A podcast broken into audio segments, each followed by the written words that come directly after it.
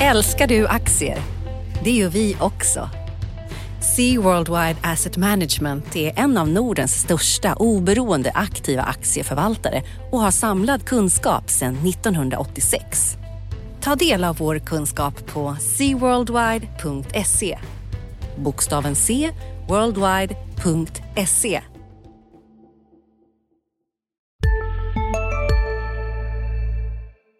Analyspodden presenteras idag av Blackrock.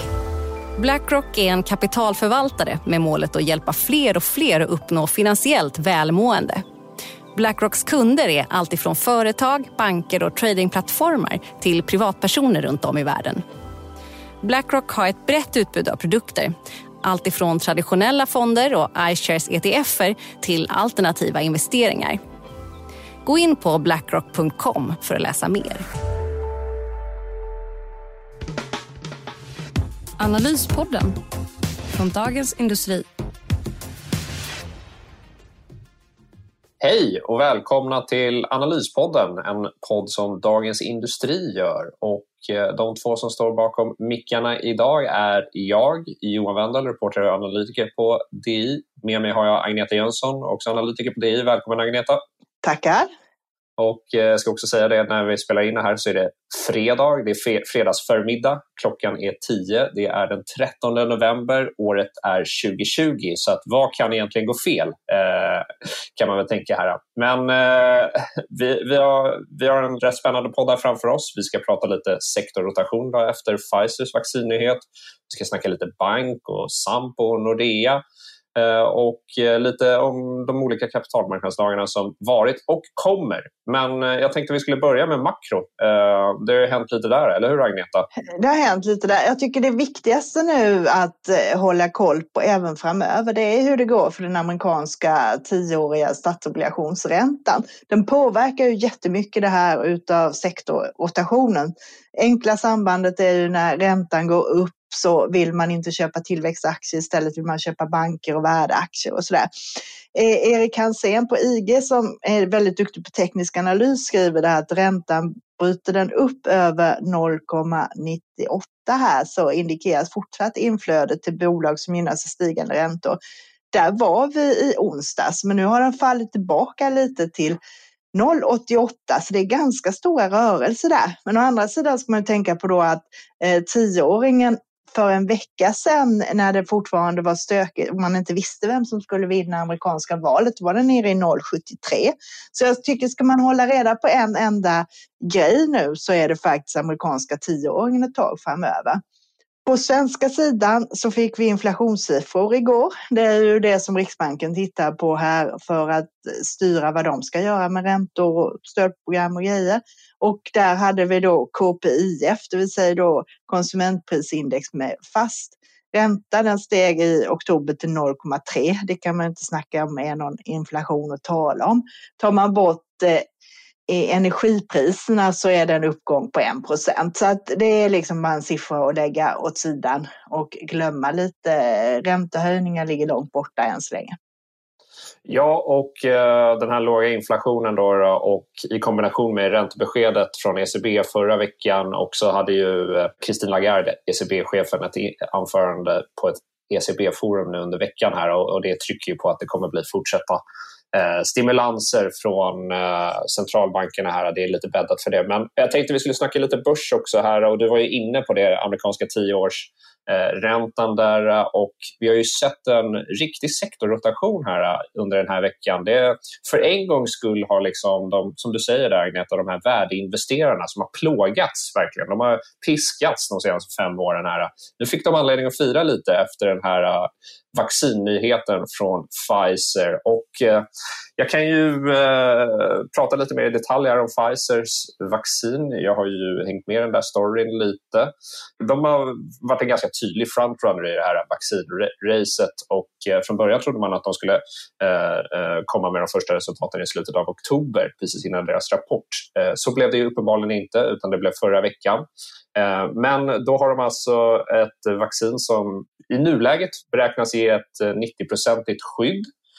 Och eh, Det här är då ett så kallad, en så kallad mRNA-variant, alltså man får en typ en uppsättning genetiska instruktioner injicerat i sig och sen så använder kroppen det här för att tillverka protein som ska angripa covid, eh, coronaviruset då, då är, är, tanken. Och det verkar funka ganska bra här. En grej som försvann lite som jag tänkte pusha för här, eh, nu blir det lite nördigt, men det var ju att Pfizer ändrade och Biointech då, ska vi säga, deras tyska partner som, de gör, som har utvecklat grundtekniken och som de är partners med under den här studien. De ändrade studiedesignen faktiskt under, i slutet av oktober där man beslutade sig för att göra den första då, så kallade interimanalysen när man sätter sig ner och tittar på hur det har gått. Att man ändrade där från att man gör den första interimanalysen efter 62 covid-infektioner istället för 32 covid-infektioner. Och det här, här låter väldigt tekniskt alltihop, men vad det kokar ner till är att ju fler sådana här covid-infektioner man ser i eh, studiegruppen, både bland de som har fått placebo och de som får vaccinet, ju mer sådana infektioner man ser, desto större statistisk säkerhet finns det kring eh, vaccinets skydd. Så det kan vara bra att ha med sig att det här vaccinet var både bättre skydd än vad man hade räknat med på förhand och det var en större statistisk säkerhet kring vad man hade, än vad man hade hoppats på. Så det är något att ta med sig. Och sen så har ju Moderna också sagt att eh, de räknar med att eh, inom kort här att nå gränsen för sina eh, covid-infektioner i sin vaccinstudie. Eh, och vilket ska trigga då den första interimanalysen där eh, i deras fas 3. Och eh, det väntas ske inom kort så att eventuellt får vi också goda nyheter om Modernas vaccin här under nästa vecka kanske till och med. Och Anthony Fauci då, som är chef för amerikanska myndigheten NIH som Eh, hjälper till, eh, som är partners med Moderna i deras fas 3-studie. Han var ute och håsade det där vaccinet lite och det är också då en sån här eh, mRNA-variant, precis som Pfizers och Biointex. Så att positiva vaccinnyheter både för mänskligheten och börsen och det kan komma fortsatt positiva nyheter här eh, framöver och det är ju spännande. Men det här är ju något som det kommer inte levereras i stora mängder förrän under 2021 och det ska man vara medveten om och, och USA och Storbritannien ligger lite före Eh, Europa när det gäller att få Pfizers vaccin så att de kommer få det lite före. Jag såg att Goldman snackade om att eh, Europa det är liksom framåt eh, sommaren, våren, sommaren 2021 då idealt sett kan Europa börja få stora mängder doser. Så det är något att ha med sig. Ja, det är absolut. Och sen ska man ju ha med sig det också att börsen ligger ju alltid före. Jag menar, nu har vi fått mer än säkerhet. Vi har, innan har vi gissat att det här kommer eh, under 2021. Nu är vi, har ju sannolikheten ökat att vi faktiskt har fungerande vaccin och det börjar distribueras ut kanske till och med lite tidigare än vad man hade hoppats på. Och det fick vi ju se i kurserna. Det var ju flera index runt om i världen som satte nya all time high i veckan. Bland annat vår eget OMXS30 steg kraftigt på det här framförallt då lett utav cykliska bolag och bankerna. Så där har vi en uppgång på 3,5 procent i veckan och 6,5 procent hittills i år. Vi fick ju då se en uppgång på storbankerna på 7-8 procent på en dag. Det har ju varit det är en normal årsavkastning för den typen av bolag. Och där är det ju framför allt det här med att man kanske kan ana lite hopp om att inte kreditförlusterna blir värre. För ju snabbare vi får vaccin och ju snabbare vi får igång hjulen och rulla igen, desto större chans är det att eh, kreditförlusterna faktiskt håller sig på de här prognoserna som vi ligger nu. Ja, det är inte spännande att bankerna får lite, får lite lättnadsrally här. Eh. Det är, de har ju en sektor som har saknat goda nyheter. Vi ska återkomma lite till bank också senare i programmet. här. Jag tänkte bara också pusha för det här att eh, som vi ser nu, pandemin här kommer i en andra våg här i Europa och det, smittspridningen ökar ju tyvärr här i Sverige. Och det finns ju Eh, det är ingen som tycker det är bra. Det är väldigt tråkigt. En av den kanske enda fördelen med detta det är att vaccinstudierna går fortare för att man får en större, eh, man får fler personer som blir sjuka och kan se då i de här studiegrupperna hur mycket vaccinkandidaterna skyddar de som har fått placebo i jämförelse med de som har fått liksom vaccinkandidaterna. Så det är kanske den enda fördelen med den tilltagande pandemin. Vi får veta helt enkelt fortare om vaccinet funkar eller inte. Precis. Sen ska man tänka på det också när man hör de här nyheterna om BNP-tillväxt och nedgångar och sånt. Att börsbolagen är en sak, men i den verkliga ekonomin finns det ju mängder med mindre bolag och där har vi framförallt besöksnäringen, vi har restauranger, vi har alltihopa det här som drabbas extremt hårt. Eh, och det är supertråkigt för alla som drabbas, men det syns ju inte direkt på börsen. Där är det ju väldigt mycket nu det som påverkelser där i våras var ju att leverantörskedjorna började hacka på grund av stängda gränser och sådana här saker. Den biten kommer vi förhoppningsvis klara bättre nu. Ja, man, man får hoppas på det i alla fall. Eh, men jag tänkte det, du, du nämnde bank innan Agneta. Det har ju hänt en del i Nordea. Kan inte du eh, guida lite genom vad som har hänt där? Precis, vi har skrivit tidigare i tidningen här att Sampo som är storägare och äger nästan 20 procent av Nordea var på väg att lämna därför att de vill mer renodla mot sakförsäkringsverksamhet. De köpte bland annat ett stort brittiskt bolag i somras, heter Hastings, som är dags att betala nu och tillträda. Och det som hände nu då eh, häromdagen var att eh, Sampo säljer eh, drygt 4 procent utav sitt innehåll som har sålt en femtedel utav sina aktier i Nordea och på så sätt frigjort 12 miljarder. De har alltså nästan 16 procent kvar. Eh, man, I och med att man gjorde den här affären också så förband man sig att inte sälja fler aktier Eh, fram till 9 maj man har gjort en sån här lockup. Jag tycker att det här är inte så mycket att eh, hetsa upp sig över. Vi vet att Sampo vill göra det här.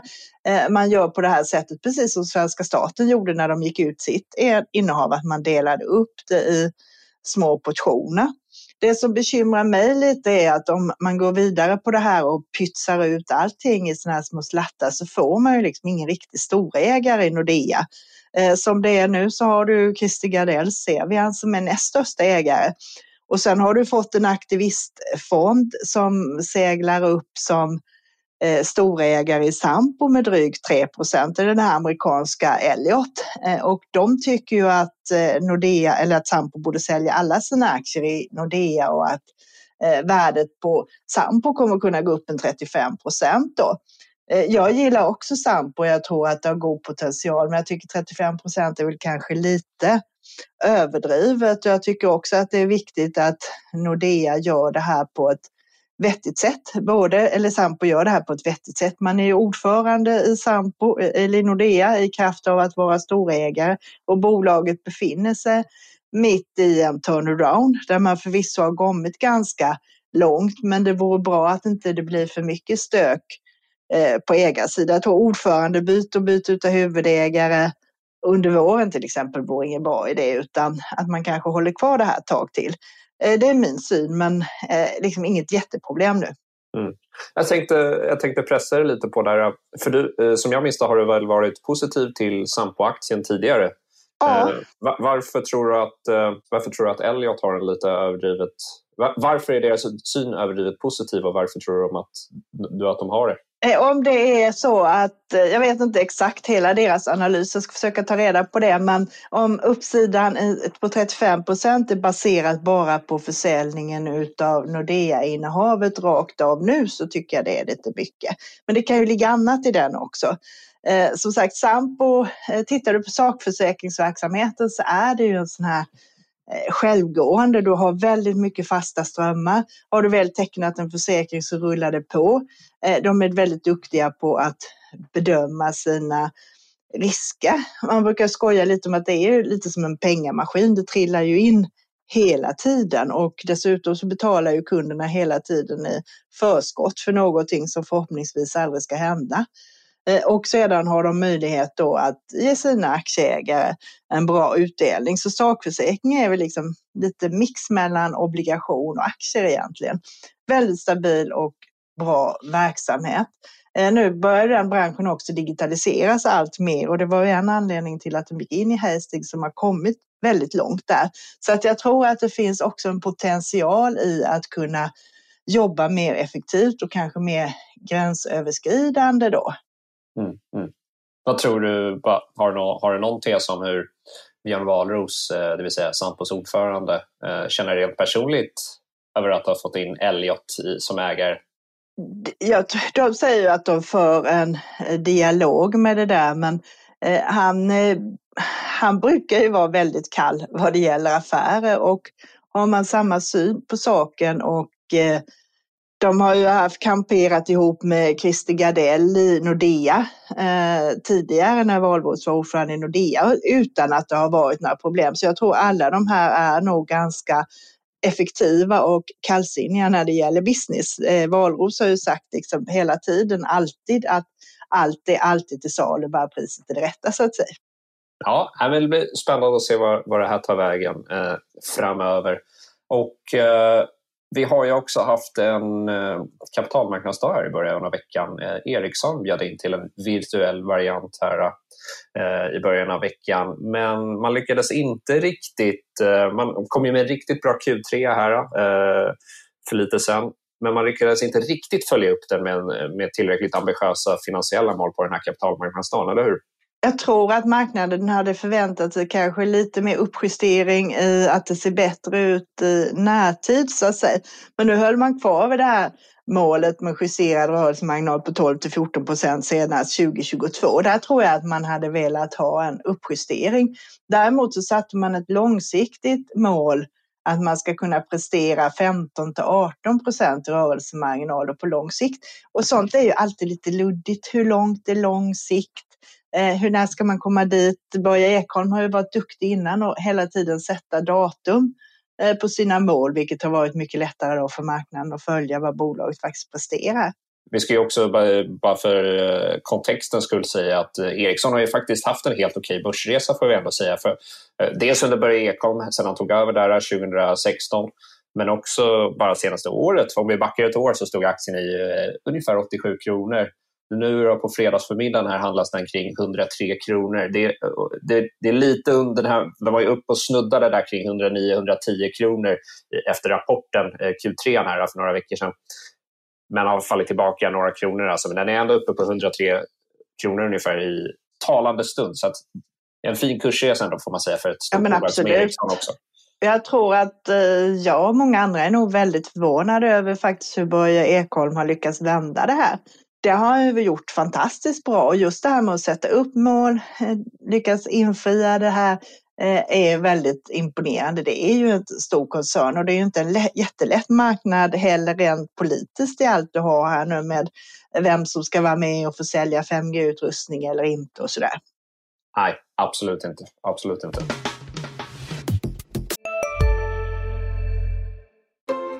Just nu pågår vår stora season sale med fantastiska priser på möbler och inredning. Passa på att fynda till hemmets alla rum, inne som ute, senast den 6 maj. Gör dig redo för sommar. Välkommen till Mio. Hej, Synoptik här. Visste du att solens UV-strålar kan vara skadliga och åldra dina ögon i förtid? Kom in till oss så hjälper vi dig att hitta rätt solglasögon som skyddar dina ögon. Välkommen till Synoptik.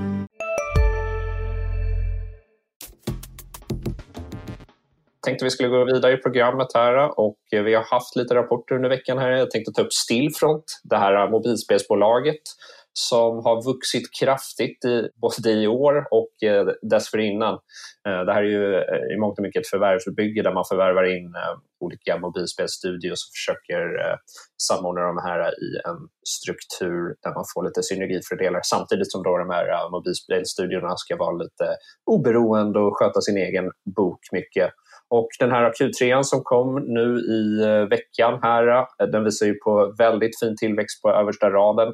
Eh, mycket av det, en del av det är förvärvad tillväxt, alltså man dubblas alltså i storlek nästan jämfört med Q3 i fjol. Jörgen Larsson, VD för Stillfront, sa att man, vad gäller den organiska tillväxten så fortsätter de att växa snabbare än marknaden där. Alltså, samtidigt så vinsten per aktie ökade ju bara med 8,8 procent. Det ska vi säga är inte bara ett utfall av att man har gjort massa emissioner. Man hade en väldigt hög skatt också i Q3 och eh, skrev ut det och man guidade för att den här skatten kommer sjunka framöver. Här. Den kommer inte vara så här hög. Så att det tyngde också vinsten på aktier. Så det ska vi vara tydliga med. Jag tweetade lite om det där och fick lite skäll och jag kan väl köpa, jag kan köpa skället på det, på den fronten. Men sen så ska vi säga att Stillfront-aktierna har ju gått från över eh, liksom, den var ju uppe över 1100 kronor där för, i, i slutet av september och har ju gått superstarkt. Den har ju varit en riktig så här pandemivinnare. Alltså om vi backar ett år så stod den här under 300 kronor. Eh, den här aktien. Och, och, nu har den ju fallit tillbaka här och visst, det kanske, man kanske hade väntat sig en lite bättre rapport här. Eh, det var lite bäsigt eh, angående den här coronaeffekten. Man, man guidar för att den normalis fortsätter normaliseras. Men jag tror ändå att den här aktien har ju, har ju straffats väldigt hårt också av sektorrotationen som vi har haft på börsen i stort. Nu ser jag här på fredagen att den handlas upp ungefär eh, nästan 4 jag, tror att det, eh, jag såg att det var någon köprek där från Goldman Sachs tror jag det var, eh, som drar upp den idag. Så att, visst, rapporten hade kanske kunnat vara bättre, men jag tror att det är framförallt eh, sektorrotationen som har tyngt den här aktien och att den har gått väldigt starkt. Alltså. Och vi har ju en köprek på, på Stillfront som jag skrev i januari och den ligger ju, den ligger ju fast här framöver. Så att, eh, det blir spännande att se vad de tar vägen i höst. Ja, och jag tror du har rätt i det där att de påverkades av den här sektorrotationen nu. Att kommer man med en lite svag rapport mitt i en sån här skede så får man lite extra stryk helt enkelt. Och det kan ju vara bra läge för att de som är lite sugna på aktien och utnyttja den typen av dippar då så att säga. Ja, men precis. Men du, och sen så, eh, nu är vi inne på nischbanker här igen här, men eh, i måndags fick vi beskedet att, och det har vi, vi har ju rapporterat om det här tidigare, att, om ryktena på marknaden, men nu är det bekräftat, Nordnet gör comeback på börsen. Ja, precis. De har ju varit utanför marknaden några år nu. De köptes ju ut av Nordic Capital och huvudägaren familjen Dinkelspiel från börsen för att man skulle accelerera den här investeringen i plattform, utveckla tekniktjänster och har lagt ner en massa pengar på det där och det hade varit svårt att göra så stora investeringar på börsen. Det hade blivit ganska jobbigt för aktieägarna om man säger så. Så nu anser man att bolaget är eh, färdigstädat. Eh, igår fick vi en mejl om att prospektet kommer att släppas på söndag. Eh, det de gör är att de kommer att på privatkundsidan, så att säga, privatpersoner, måste man vara kund för att eh, få teckna aktierna. Eh, och eh, däremot kommer vi säkert sälja till institutioner också, men just den delen som går till privatpersoner kommer att gå till egna kunder. Så är man intresserad så ska man ju gå in och kolla på det här prospektet. Vi kommer ju naturligtvis också följa upp det här och titta på det i tidningen om det är någonting att teckna eller inte. Och det är ju som vanligt beroende på var prislappen hamnar någonstans. Det vet vi ju inte så mycket om än. Det har ju tidigare så har det ju varit en jämförelse mellan Nordnet och Avanza i alla år när de har varit noterade och då har ju notering, eller värderingen på Avanza varit betydligt högre just därför att de har hanterat det här med investeringar under resans gång betydligt bättre, haft en högre tillväxt och det har liksom aldrig riktigt eh, kommit ifatt. Så det ska bli jätteintressant att se hur bolaget eh, värderas och eh, vad, man har, vad man också kommer att säga om det här om eh, framtida investeringsbehov och sådana här saker. Ja, det var, och det var ju när Nordnet väl var noterade så var det ju en, det var ju en klasskillnad om man kollar på eh, kursutvecklingen på börsen. Avanza var ju lite Eh, överlägsna där eh, om jag minns saken rätt. Och Avanza har ju fortsatt att vara helt suveräna på börsen här. Eh. Börsen har ju nästan dubblats på ett år. Alltså. Du har ju haft och du har ju haft en helt annan tillväxt där. Sen har du haft lite andra, man har gått lite i otakt. Man, kö, man började ju för några år sedan, köpte man ett bolag som är inriktat på konsumentkrediter till exempel. Det har inte Avanza hållit på eh, inom det området. Där har du haft, eh, man, där hade man det här samarbetet med eh, på bolånesidan med Stabel och man har haft belåningar depå och sådana här saker, men man har inte haft rena konsumentlån. Så de bitarna skiljer lite åt också. Men jag lovar, vi ska återkomma i frågan och lämna vår syn på saken under nästa vecka. Ja, jag kommer hålla utkik i spalterna efter vad du skriver. Idag ska vi också få lyssna på ett eh, sponsormeddelande. Det är nämligen så att idag sponsras Analyspodden utav Blackrock och vi ska nu få höra lite om deras verksamhet. Så vi lämnar över till Karin här som har träffat Elisabeth Sterner som är ansvarig för iShares och Wealth på Nordic i Norden då på Blackrock. Eh, och efter den pausen så ska vi prata mer om bank och vi ska få höra några intressanta aktiecase också tror jag. Välkommen till Analyspodden, Elisabeth. Tack. Berätta om Blackrock. Vad gör ni? Så Blackrock är en kapitalförvaltare vilket innebär att vi förvaltar tillgångar för våra kunders räkning. Och det här gör vi dels genom olika typer av förvaltningsmandat men även genom förvaltning av fonder och ETFer. Och sen tillhandahåller vi också systemlösningar till våra kunder i form av vår Aladdin-plattform. Och hur ser Blackrocks verksamhet ut i Norden? Så Blackrock har varit etablerade i Sverige sedan 2002. Vi är ungefär 50 personer och har kontor i Stockholm och Köpenhamn. Och utöver kundansvariga så har vi bland annat ett team som arbetar med fastighetsinvesteringar i Norden. Och våra direkta kunder är finansiella institutioner där vi dels förvaltar då delar av deras kapital men även distribuerar våra produkter som fonder och ETFer där de blir tillgängliga för privata investerare. Och iShares är vårt varumärke för våra ETFer. Och vad är ETFer? ETFer betyder Exchange Traded Fund, det vill säga att det är en börshandlad fond. Och en ETF är då en investeringsfond som replikerar ett specifikt index som kan vara till exempel en region eller en specifik sektor. Och ETFen innehåller en korg av värdepapper som är viktade i storlek för att exakt replikera ett visst index. Och till skillnad från en vanlig fond då så handlas ETFen på börsen precis som en aktie. Och varför ska man köpa den typen av fonder, ETFer? Vi brukar prata om fyra fördelar med ETFer. Det första är diversifiering. Så att en, en ETF kan användas som enda källa för exponering mot flera olika värdepapper. Det andra är flexibilitet, så att du kan antingen använda en ETF för, som kärnan i din portfölj men du kan också använda ETF för att uttrycka olika typer av taktiska placeringar. Det tredje är likviditet. Så att den här ETFen är då noterad på en börs och det gör att den kan handlas när som helst under dagen när börsen är öppen. Och den fjärde fördelen som vi brukar prata om är tillgängligheten. Så att I och med att det finns ett väldigt stort utbud av ETFer så ger den en bred tillgång till olika internationella marknader. Okej. Okay. Tack så mycket, Elisabeth Sterner som är ansvarig för iShares och Wealth i Norden på Blackrock som sponsrar Analyspodden den här veckan. Tack så mycket. Ja, det var eh, budskapet från våra sponsorer där och eh, nu är vi tillbaka här med Analyspodden i, i Dagens Industri. Jag tänkte att Agneta, du, du eh, hade lite tankar, vi ska åter fokusera lite mer på bank här. Du hade lite tankar kring utdelningar och så vidare, eller hur Agneta? Precis, jag tittade ju på det närmare i veckan och gjorde en stor genomgång av de nordiska bankerna. Vi ska inte tjata igenom hela den, men däremot kan man ju säga slutsatsen att alla är ju väl kapitaliserade nu. Man har väldigt stora marginaler vad det gäller kapital gentemot myndighetskraven. Och man har ju hållit igen sina utdelningar.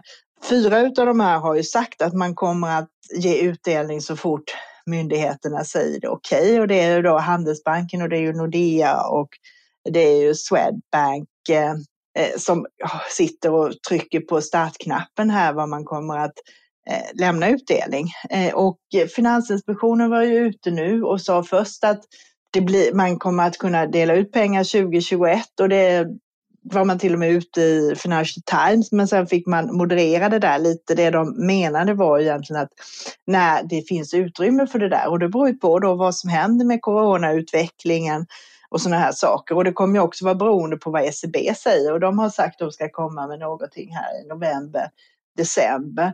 Min gissning är att man kommer att vara lite luddigare nu. Innan har man sagt att man rekommenderar bankerna att inte dela ut eller göra återköp eller ge bonus och sådana här saker. Nu tror jag att man kanske mer låter titta på att starka banker kanske kan få dela ut genom att säga att om man upplever att man har råd att göra det så kanske man ska kunna dela ut en del. Och det säger Finansinspektionen också att man öppnar för viss utdelning och sådär.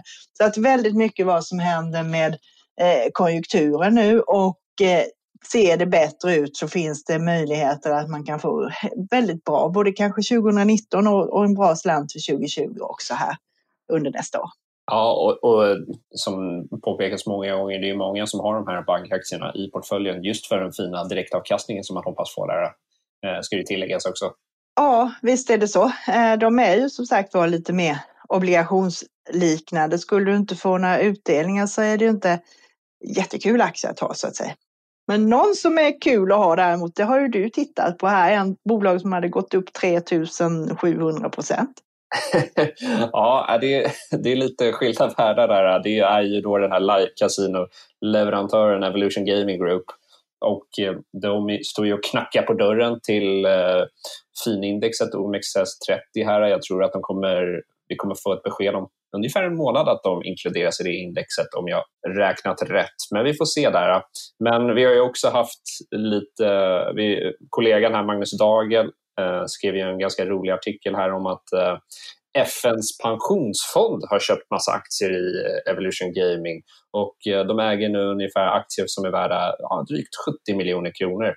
Och eh, det där är ju lite roligt när ja, men vi har ju skrivit väldigt mycket om eh, svenska fonder och institutionella ägare som väljer bort betting och gambling och kasinobolag av hållbarhetsskäl och Evolution har ju inte varit något undantag där. Det är en mång, alltså Handelsbankefonder, Carnegiefonder, eh, Lannebofonder. Ja, de väljer att inte äga aktier i den här sektorn av eh, hållbarhetsskäl helt enkelt. Och eh, då är det lite, lite underhållande att FNs pensionsfond går in och köper aktier i det här bolaget. Och, eh, sen tänkte jag bara säga det också att eh, Pareto hade ju ett eh, iGaming-seminarium, det vill säga iGaming är ju den här branschtermen för spel och dobbelsektorn som man använder ofta. Eh, och eh, där var ju ett flertal bolag, bolag, som är listade i Sverige inbjudna och bland annat så var Evolution där och presenterade och finanschefen Jakob Kaplan. Och jag har ju skrivit där om att eh, både Kambi och Evolution börjar överväga att eh, dubbelnotera sig i USA eftersom eh, bettingmarknaden i USA växer fort. Bolagen som är noterade där har en betydligt högre värdering. Det är där kanske mycket av eh, potentiella investerare finns. Att man, om man skulle dubbelnotera sig öppnar man upp för nya typer av ägare, så family offices och sånt här. Så att, eh, och då, på den här eh, Pareto-presentationen så, så fick Jakob Kaplan den här frågan och sa att det är inte planer, något som vi planerar i närtid men han utslöt inte heller. Så att jag tror väl att de, de fokuserar på att driva bolaget först och främst men som man säger där, det är, det är inget som fortsätter den här värderings, tydliga värderingsskillnaden mellan amerikanska och eh, amerikansklistade och svensklistade betting och kasinobolag fortsätter den att finnas så tror jag att man kommer titta noggrant på det där faktiskt. Ja, det låter ju rimligt. Ja, det kommer hända eh, en bit in i framtiden. Nu tänkte jag att vi skulle titta här på nästa vecka. Vi har ju lite rapporter, eller hur Agneta? Precis. Eh, du har ju Nibe kommer på onsdag och sen har ju du ett bolag där som kommer på onsdag också. Ja, Embrace är där. Eh, deras eh, räkenskapsår löper ju från, vad är det nu, det är från 1 april va, till 31 mars. Så att, så att man är medveten om det. Och några till, så precis, sen har Catena Media och Lundbergs också på torsdagen, det är ju de stora rapporterna. Ja, intressant. Och så har vi lite kapitalmarknadsdagar också. Vi har Electrolux och AAK på tisdag. Ja. Och sen så kanske en, jag skulle ändå säga att det här är det mest spännande och det är Intrum på onsdag, eller hur? Ja, precis. De har ju bytt vd. Deras vd Mikael Eriksson fick ju sluta här, här om månaden och deras CFO tar över. Eh, där tror jag det kommer nya eh, finansiella mål. Så det är något som jag kommer att lyssna in på. Eh, sedan har vi, för de som tycker är intresserade av det, hur det går med hotellmarknaden, vilket nu är i fokus, så kan jag tipsa om att Pandox har en hotellmarknadsdag eh, på tisdag digitalt mellan 13 och 15 och 30. Det är en marknad där Pandox har ju drabbats jättehårt av det här med pandemin och deras aktier har ju fått storstryk. Så är man intresserad av det där och vad som händer så kan man ju in och lyssna där. Ja, och det där är ju en sektor man undrar, liksom, kommer de tillbaka i gammalt gott slag efter vaccinet finns på bred front? Även flygsektorn är en sån sektor. Det blir intressant att se vad deras take är på det där. ABB har kapitalmarknadsdag på torsdag också, den får vi nämna. Det är ju ändå ett hyggligt stort bolag. Ja, hyfsat stort. ja, det är riktig kapitalmarknadsdag bonanza även nästa vecka. Då, då. Eh, kul, kul. Uh, se vad Björn, uh, Björn Rosengren har att säga där om ABB. Men där ska vi väl sätta punkt, eller hur? Det tycker jag. Nu har vi pratat nog för idag här. Nu får vi önska alla en trevlig helg. Ja, tack så mycket för att ni lyssnade. Hej då! Analyspodden presenteras idag av Blackrock. Blackrock är en kapitalförvaltare med målet att hjälpa fler och fler att uppnå finansiellt välmående. Blackrocks kunder är alltifrån företag, banker och tradingplattformar till privatpersoner runt om i världen. Blackrock har ett brett utbud av produkter. Allt ifrån traditionella fonder och iShares ETFer till alternativa investeringar. Gå in på blackrock.com för att läsa mer. Du har hört Analyspodden, en podcast från Dagens Industri. Podden redigerades av Umami Produktion. Ansvarig utgivare Peter Fällman. Lyssna gärna på DIs andra poddar. Digitalpodden Morgonkoll, Förnuft och känsla, Makrorådet, Smarta pengar, DI Jämställt näringsliv, Ekonomistudion och Startup Stories. Finns där poddar finns. Tack för att du lyssnar. Älskar du aktier? Det gör vi också. Sea Worldwide Asset Management är en av Nordens största oberoende aktiva aktieförvaltare och har samlad kunskap sedan 1986. Ta del av vår kunskap på seaworldwide.se. Bokstaven C, worldwide.se